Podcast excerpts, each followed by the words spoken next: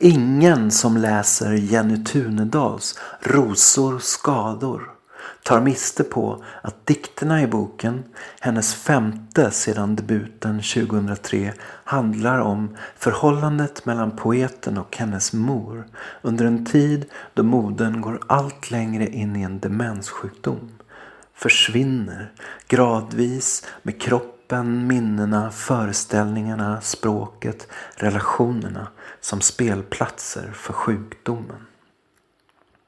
Det är Tunedals mest omfångsrika diktsamling hittills och den rymmer många olika slags dikter. De möjliga läsarterna är också flera med referenser till såväl klassisk litteratur och antik myt som medicinsk historia. Textväven är dessutom full av citat från andra författare, filosofer, dramatiker, konstnärer, sångförfattare.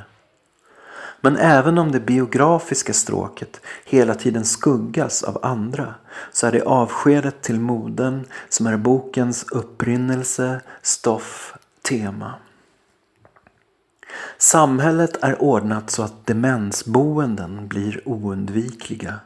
Tunedal gestaltar detta faktum som ett drama. En remix av Shakespeares tragedi Kung Lear.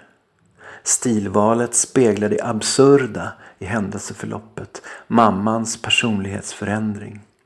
En grekisk kör utgör samhällets röst. Poeten själv får spela Cordelia. Här är mamman spelets härskare, kung mor, som kräver en yttersta kärleksförklaring av sin dotter eller straffar med förvisning. Det gamla uttrycket gå i barndom håller bara delvis här eftersom det ska mycket till innan nutidens människa går med på att bli omhändertagen. Moden i Tunedals dikt löper amok i den för sjukdomen typiska förnekelserollen. Till sist är dikten ändå en hyllning till henne. Hon står där alldeles rimlig. Citat. Ingenstans, överallt. Jag vill ta av mig mina händer. Denna otäcka, otäckta kropp. Oskyddade himmel. Ett mycket stort, sött luktande djur. Är en mor inte mer? Inte mer? Jag är inte skyldig.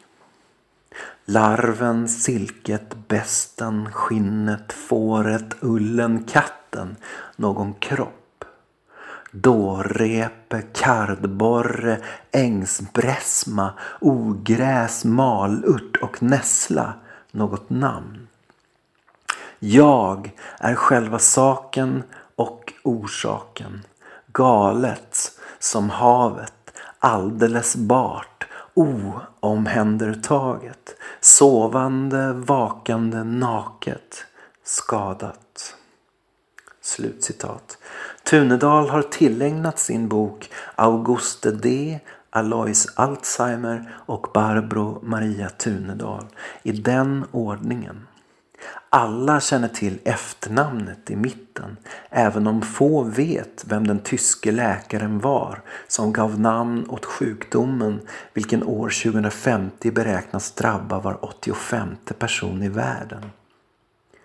Tunedals bok rymmer inte heller några biografiska data men flera dikter refererar till Alzheimers efterlämnade anteckningar, journalerna från hans samtal med den vid tiden 51-åriga Auguste Dete, kvinnan som var först att bära diagnosen Alzheimer. Den som vill kan läsa mer om historien i poeten och psykologen Ulf Karl-Olof Nilssons Glömskans bibliotek, en essä om demens, vansinne och litteratur som utkom förra våren. Till exempel framgår genom Ukons känsliga öra för luckor och obesvarade frågor hur Alzheimer så envetet fokuserar på sin frågemall snarare än på medmänniskan intill sig. Med blicken på möjligheten att lokalisera en tidigare okänd hjärnsjukdom. Verktygen saknades för att förstå Auguste D. Inte minst just maktpositionerna tar Tunedal fasta på i sin fria bearbetning.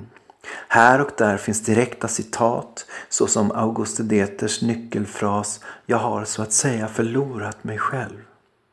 Men namnen är ersatta med han och hon och dialogen har av allt att döma många källor. Bitvis återskapas läkare-patientrollerna, bitvis omkastas de eller så liknar de ett förvirrat kärlekspar. Enskilda strofer har en tidsfärg och sjukdomssyn från förra sekelskiftet men det mesta låter nutida. Och ganska snart låter hon undfalla sig uttryck påfallande lika moderns på andra ställen i boken. Identiteter övergår i varandra. Ingen går säker som sig själv. Den psykologiska strukturen i Rosor skador kan påminna om Dantes gudomliga komedi. Fast här är alla delar helvete. Inte som att diktsamlingen är uppdelad efter någon utvecklingskronologi men tre slags stämningar finns likväl. Först en registrerande del av infernot, minnesmottagningen, dikter konstruerade som uppgiftsformulär, de schematiska testen till hjälp för att utpeka den sjuka. Så uppräkningen av grannarna på demensboendet i dikten Saker som orsakar oro. Var och en fastfrusen i spöklika rutiner. Fast tidigt etableras en varm relation mellan poeten, den anhöriga och de här berusade gamla kvinnorna som modern kallar dem. Ofta tar de den anhöriga för någon annan som i citat Hon som tror att jag är hennes dotter. Hon som tror att hon är min hund. Hon som tror att hon är min syster. Hon som tror att jag är mor. Slutcitat. Sista raden går att läsa på olika sätt. Ett av dem, att dottern förväxlas med sin mor, går igen som ett tema. De ser sig själva i varandra såsom i speglar, blir versioner av samma öde, ja till och med samma kropp. Citerad i boken är också den franska filosofen Catherine Malabou. Hennes verk Le Nouveau Blessé de nya skadade utkommen 2007 om trauma och demens skrivet i relation till en svårt demenssjuk mormor. Begreppet de nya skadade återkommer i titeln Rosor skador. De två titelorden formar en bild för vad poeten räcker fram, visar upp. Rosen är ju också en gammal symbol för jungfrumoden. Fast här behövdes pluralisformen att täcka upp för alla trasiga mödrar och martyrer vi möter.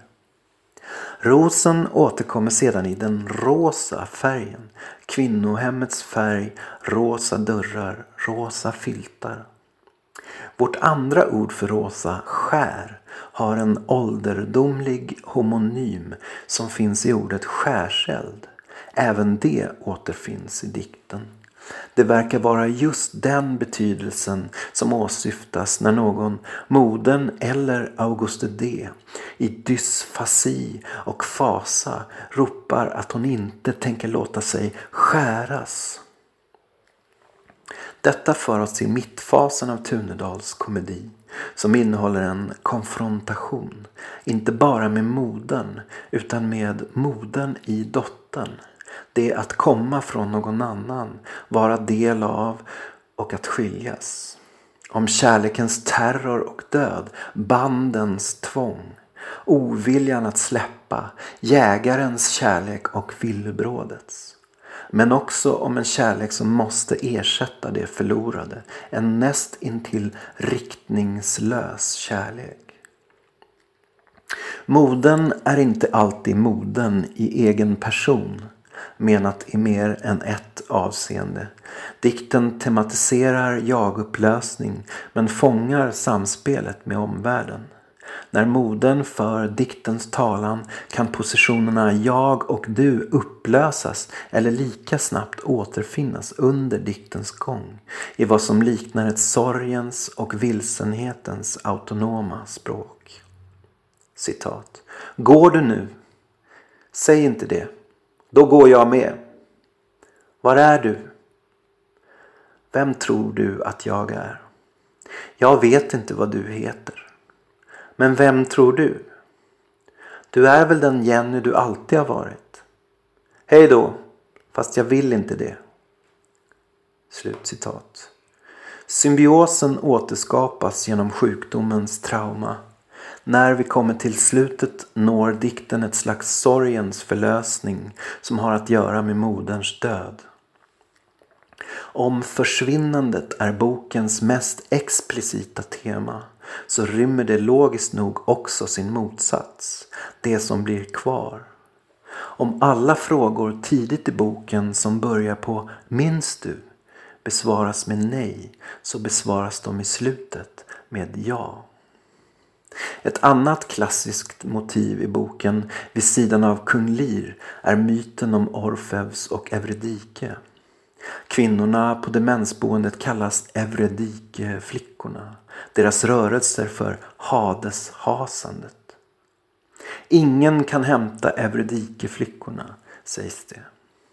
Kanske bör vi tillskriva doktor A Orfeus roll, trogen sitt kall och sitt objekt endast som bortvänd.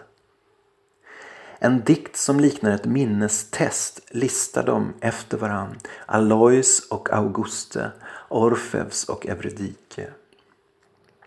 Jag lutar åt en klassisk tolkning, den att dikten i sig är orfisk. Tunedals Orfeus är en som vänder sig mot Eurydike i trots bara för att genomskåda sin roll. Det är Orfeus som en avhoppare i Hades på Strandgården avdelning A1 som med öppna ögon och öron stannar hos Evredike in i det flammande bortslitande sista. Kanske att Rainer Maria Rilkes berömda dikt Orfeus Evredike Hermes betytt en del för motivets bäring här.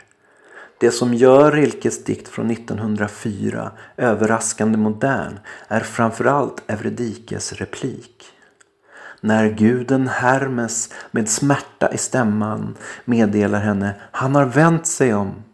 Kontraktet med underjorden är brutet. Evredike har att återvända till dödsriket och Orfeus tillbaka till jordelivet utan henne. Då svarar hon Vem? Hon vet inte om vem guden talar. Hon har glömt det såvida vi ens kan betrakta henne som densamma. Men jag tänker också på landskapet Rilke beskriver, dödsriket, väsenslösa skogar, broar över tomhet, metaforer över själva gränsen mot intet, i sig en metafor. Det kan jämföras med hur Tunedal till exempel återger färger. Förutom demensboendets, kvinnohemmets återkommande rosa finns påfallande många bilder av snö, vitor och vitnanden. Vitt som identitetslöshetens färg, åldrandets eller dödens. Det är frestande att läsa det vita som tecken för själva försvinnandet. Som om de vita fläckarna i illustrationer som visar skillnaderna mellan en frisk och en demenssjuk hjärna kunde liknas vid en natur. Den självförstörande kroppen beskrivs också som en eld, meningslöst flammande. Den som dör, dör. Inte som sig själv, utan i en sjukdoms namn som först spelar upp döden som en komedi demensens välkända symptom som en parodi på sig själva genom deras regelmässighet.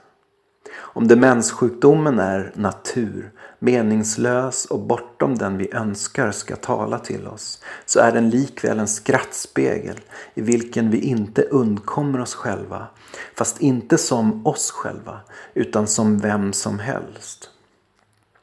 Hon är redan rot, skrev Rilke romantiskt. Rörelsen från sötsak till planta kan ta många år och det är den fysiska stillheten och det obrukbara som avses, skriver Tunedal. Den natur som beskrivs i hennes bok är i huvudsak sjukdomens. Att den är väsenslös behöver inte sägas. Oupphörligen rör sig tiden, bara tar av oss, citat, blad för blad tills det som är kvar är botten och bottnar och natten som slår. Slutcitat. Det svåra med den här boken ur författarens synvinkel har knappast varit att hantera förhållandet mellan privat och litterärt. För det är Jenny Tunedal en alldeles för erfaren poet.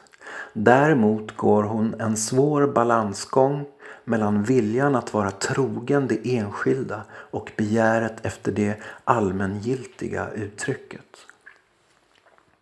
Tunedals poetiska bearbetning av förloppet, frågorna hon ställer, den konkreta uppmärksamheten är emellertid så rika på perspektiv att dikten handlar om så mycket mer än dödssjukdomen. Det är en dikt om avskedet, om själva gränsen mellan två som måste överge varandra under vanvettiga former. Om gränsen mellan livet som en ordnad värld, det beboeliga livet som ett språk och avgrunden bortom.